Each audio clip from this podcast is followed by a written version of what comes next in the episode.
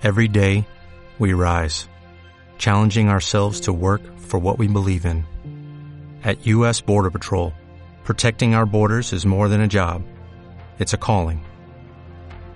Agents answer the call, working together to keep our country and communities safe. If you're ready for a new mission, join U.S. Border Patrol and go beyond. Learn more at cbp.gov/careers. Noticiesdelta.cat, el butlletí informatiu per saber tot allò que passa al Delta de l'Ebre. Deltebre i Sant Jaume tindran toc de queda i Amposta el mantindrà. El govern català ha tornat a demanar una pròrroga del confinament nocturn d'una a 6 de la matinada per a aquells municipis en una incidència de Covid-19 més alta. Tot i això, ara ha canviat el criteri. Abans eren municipis de més de 5.000 habitants amb una incidència acumulada superior als 400 casos en els darrers 7 dies. Ara baixa el requisit fins als 250 casos. A més, una altra novetat és que la mesura s'aplicarà durant 15 dies i no en 7 com s'havia fet fins ara. Per este motiu, Deltebre tornarà a tenir toc de queda nocturn després que l'hagi tingut a mitant juliol, ja que se situa en els 287 casos. Sant Jaume d'Enveja és un altre dels municipis que tindrà aquesta mesura restrictiva per estar envoltat de poblacions amb una incidència alta com són Deltebre i Amposta. Tot i no tenir més de 5.000 habitants, se li aplica el toc de queda de la mateixa manera.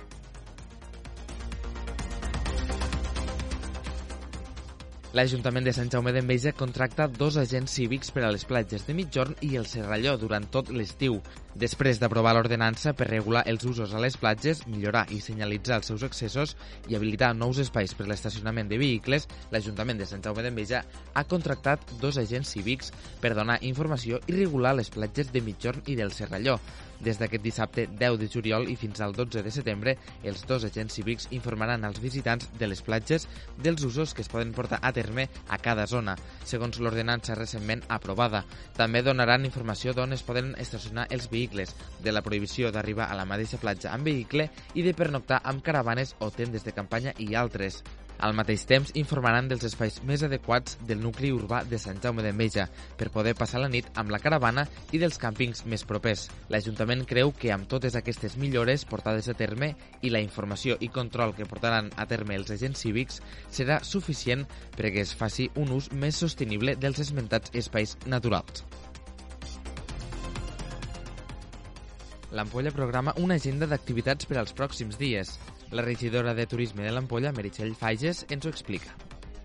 Comencem aquesta primera setmana d'agost, una de les setmanes més turístiques aquí al nostre municipi, i l'agenda dels actes que tenim programats són per a... començaríem en el dijous, a les 11 del matí, on a la platja de les Avellanes es durà a terme el tercer taller de reciclatge en família, que és un taller que està encarat a intentar reduir l'impacte dels plàstics, sobretot al que seria els nostres mars.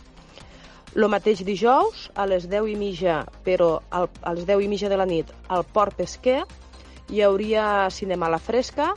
El dissabte, des de les 6 de la tarda a les 9 de la nit, a la plaça Catalunya podreu trobar el mercat d'estiu i també el mateix dissabte, a les 11 de la nit, al port pesquer d'aquí de l'Ampolla.